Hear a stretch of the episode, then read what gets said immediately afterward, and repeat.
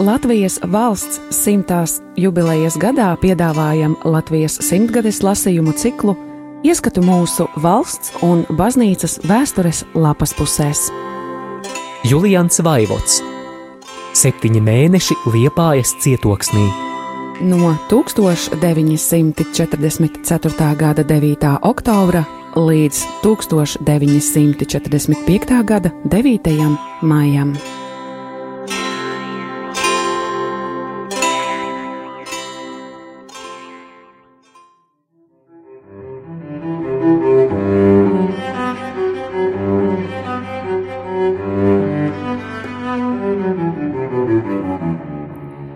1945. gada 29. martā, ja mežā vai uz lauka redzam vecu pusnokaltušu koku, ja augļu dārzā starp jauniem kokiem rēgojas veca, apsūnojusi ābele, tad katram uzmācas jautājums, kāpēc tādi pamiruši koki vēl nav nocirsti un izlietoti malkā, kamēr viņi vēl malkai noderīgi bet, ja skatām vēja nolaustu vai cilvēku roku nocirstu jaunu, vēl augošu koku, neviļus iezogas dvēselē drūma noskaņa. Vēl skumīgāk ir redzēt vētras nolaustu augļu koku ar negatīviem augļiem. Bet grūti bez īgnuma vērot ceļmalā vai dārzā augļu kokus, kuriem ļauns cilvēks, sniegdamies pēc augļiem, aplauzis zarus un mazākiem pat galotnes nolauzis. Nejauši tad pasprūk kāds stiprāks vārds adresēts tādam cilvēkam. Tāda mocoša īgnuma sajūta mani nospieda pagājušajā vasarā braucot no valtaiķiem uz aizputi ķiršu laikā, jo šis ceļš apstādīts ar jauniem ķiršu kociņiem, kuru vairākums bija pilni augļiem.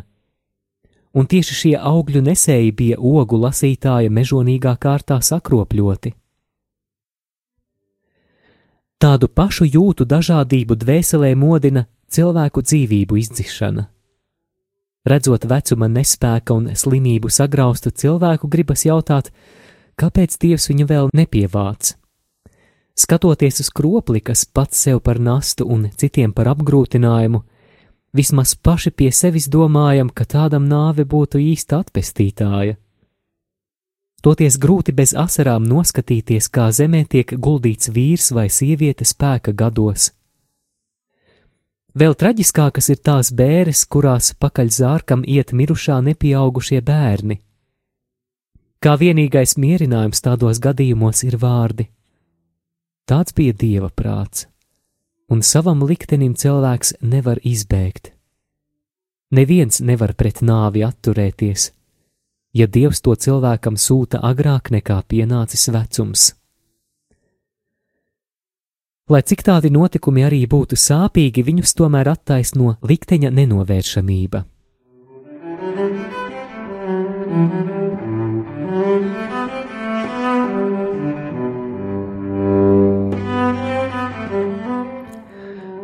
Toties nekāda mierinājuma nav nāves gadījumiem, kuriem par iemeslu cilvēku spriestie nāves sodi. Cilvēku piespriestais nāves sots nav nekāds likteņa lēmums. Uz nāvi notiesātais līdz pēdējam brīdim cer uz apžēlošanu, un zina, ka cilvēku varā ir ļaut viņam dzīvot vai likt nomirt. Ja vēl notiesātam pēc viņa personīgiem ieskatiem, ir nopelni sabiedrības priekšā, kuri vismaz daļēji sedz viņa vainu, apžēlošanu tas var gaidīt ar zināmām tiesībām. Var iedomāties, kāds rūkums tādu notiesāto pārņem gadījumā, ja gaidītās apžēlošanas vietā pienāk nāves sprieduma izpildīšanas brīdis. Līdzīgs atgadījums šodien notika Liepājā. Tika izpildīts nāves spriedums kādam latviešu brīvprātīgajam cīnītājam, kurš liekas par dezertēšanu notiesāts uz nāvi. Man šis gadījums kļuva zināms tāpēc, ka vajadzēja piepalīdzēt vācu armijas mācītājam, kuram sodāmais bija jāsagatavo uz nāvi.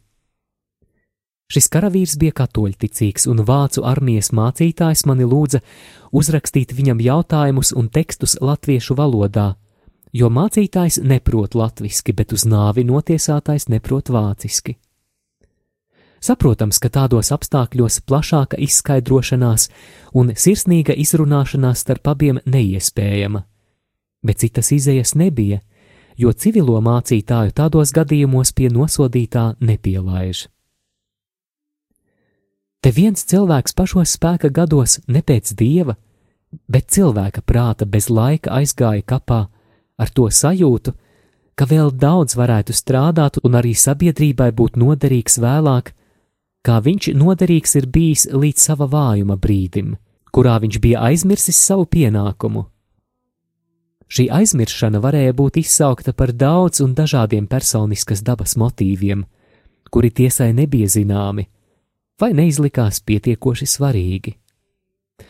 Bet ar to vēl nav teikts, ka viņi tam cilvēkam nebija svarīgi. Nevelti krievu sakāmvārds teica, ka čužaja dušā paķomki vai šodien pēc tiesas sprieduma tiesneši, kas viņu nosodīja uz nāvi, spētu to atdzīvināt, ja atklātos apstākļi, kas liecinātu par nosodītā nevainību. Tāpēc cilvēki arī nedrīkstētu otram to ņemt, ko nezem kādiem noteikumiem vēlāk nespēja atpakaļ atdot. Šis nāves soda citus brīdinošais piemērs katrā ziņā sabiedrībai būs mazāk noderīgs, nekā būtu noderīgs šī nelaimīgā darbs, ko viņš vēl varēja veikt, palikdams pie dzīvības.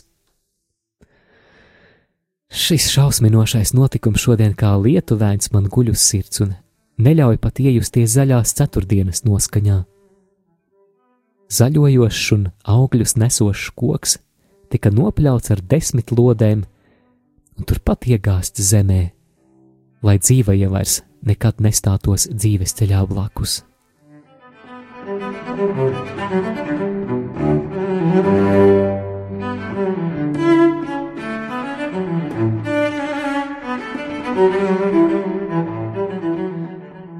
1945. gada 30. martā. Šodien paiet nedēļa kopš Angļi un Amerikāņi pārcēlās pāri Reinai. Šī akcija nedēļas laikā ir izvērtusies par liela vēriena ofensīvu, un sabiedrotie jau ielauzušies tālu Vācijas iekšienē. Nākošā nedēļa rādīs, vai līdzšinējie viņu panākumi ir tikai pārsteiguma nejaušība, vai arī pārspēka dabiskās sekas. Katrā ziņā karš rietumu frontē ir sasniedzis savu kulminācijas punktu.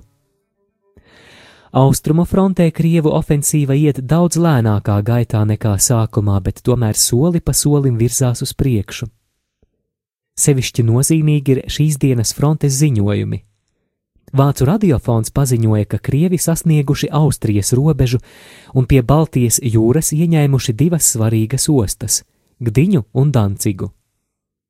Danciga ir tā pilsēta, par kuru vācieši pirms piecarpus gadiem uzsāka cīņu ar Poliju, un tādā veidā izraisījās pašreizējais briesmīgais karš. Kas šī pilsēta salīdzinot ar visām citām, kuras tagadējā karā izpostītas? Tagad vācieši atkal viņu atstājuši un nonākuši savā izējas punktā, ar to starpību, ka nav vairs Dancikā vāciešu, un tikpat kā nav arī pašas Dancigas, jo daudz vairāk tur nekas nevar būt palicis kā drupu kaudze. Tāpēc nebūs arī poļiem nekāda prieka, ja Dancigā uzkārs savu karogu, jo cīņā par šo pilsētu ir paspēlējuši ne tikai savu valsti, bet arī tautu. Te ar valstīm noticis tas pats, kas bieži atgadās ar spītīgiem zemniekiem, kuri uzsāk savā starpā tiesāšanos par kādu kupicas vietu savu lauku galā, un dažu gadu laikā, vazādamies pa tiesām, pazaudē ne tikai visu mantu, bet pašu māju apgrūtina ar tādiem parādiem, ka vēlāk tā tiek pārdota otrupē un pāriet svešā īpašumā. Tad izbeidzas spītība un pazūd lepnība, jo no saimnieka jāpaliek par kalpu vai, labākajā gadījumā, par rentnieku. Ļaunākais tas, ka spītīgā saimnieka ģimene par tēva grēkiem cieš vēl ilgi pēc tam, kad viņš pats jau satrūdējis kapā. Tāda izputējuša saimnieka bērni un pat bērnu bērni neaizmirsīs sev nodarīto pārestību.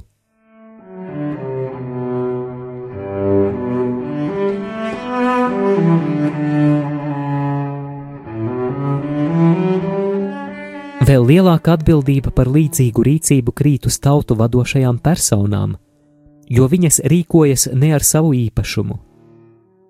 Miljoni cilvēku nokļūst nabadzībā un citu kalpībā. Pie tam vēl miljoni pret savu gribu tādu rīcību ir samaksājuši ar dzīvībām, kuras pat ar vinnētu karu nevar atpirkt.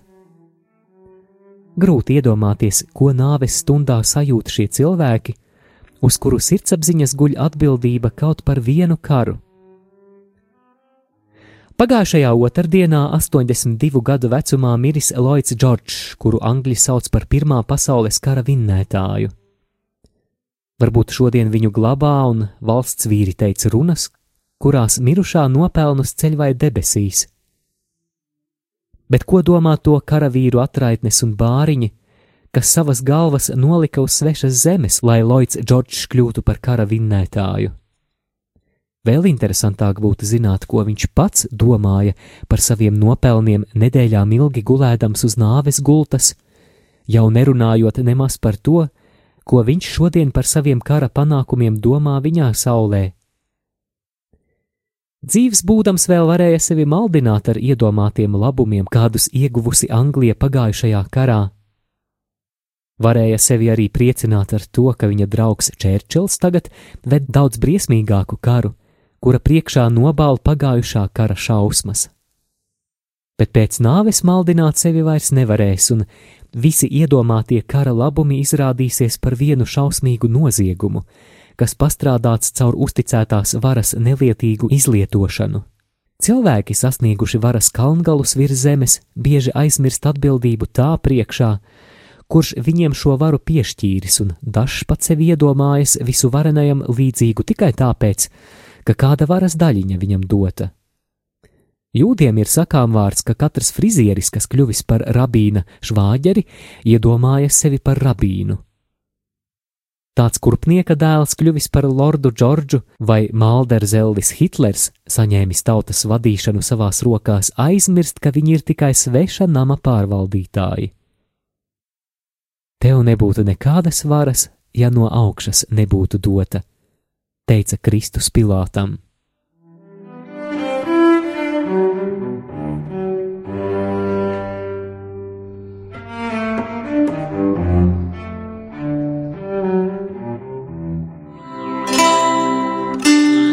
Radio Marija Latvija ēterā Latvijas simtgadēji veltīti lasījumi.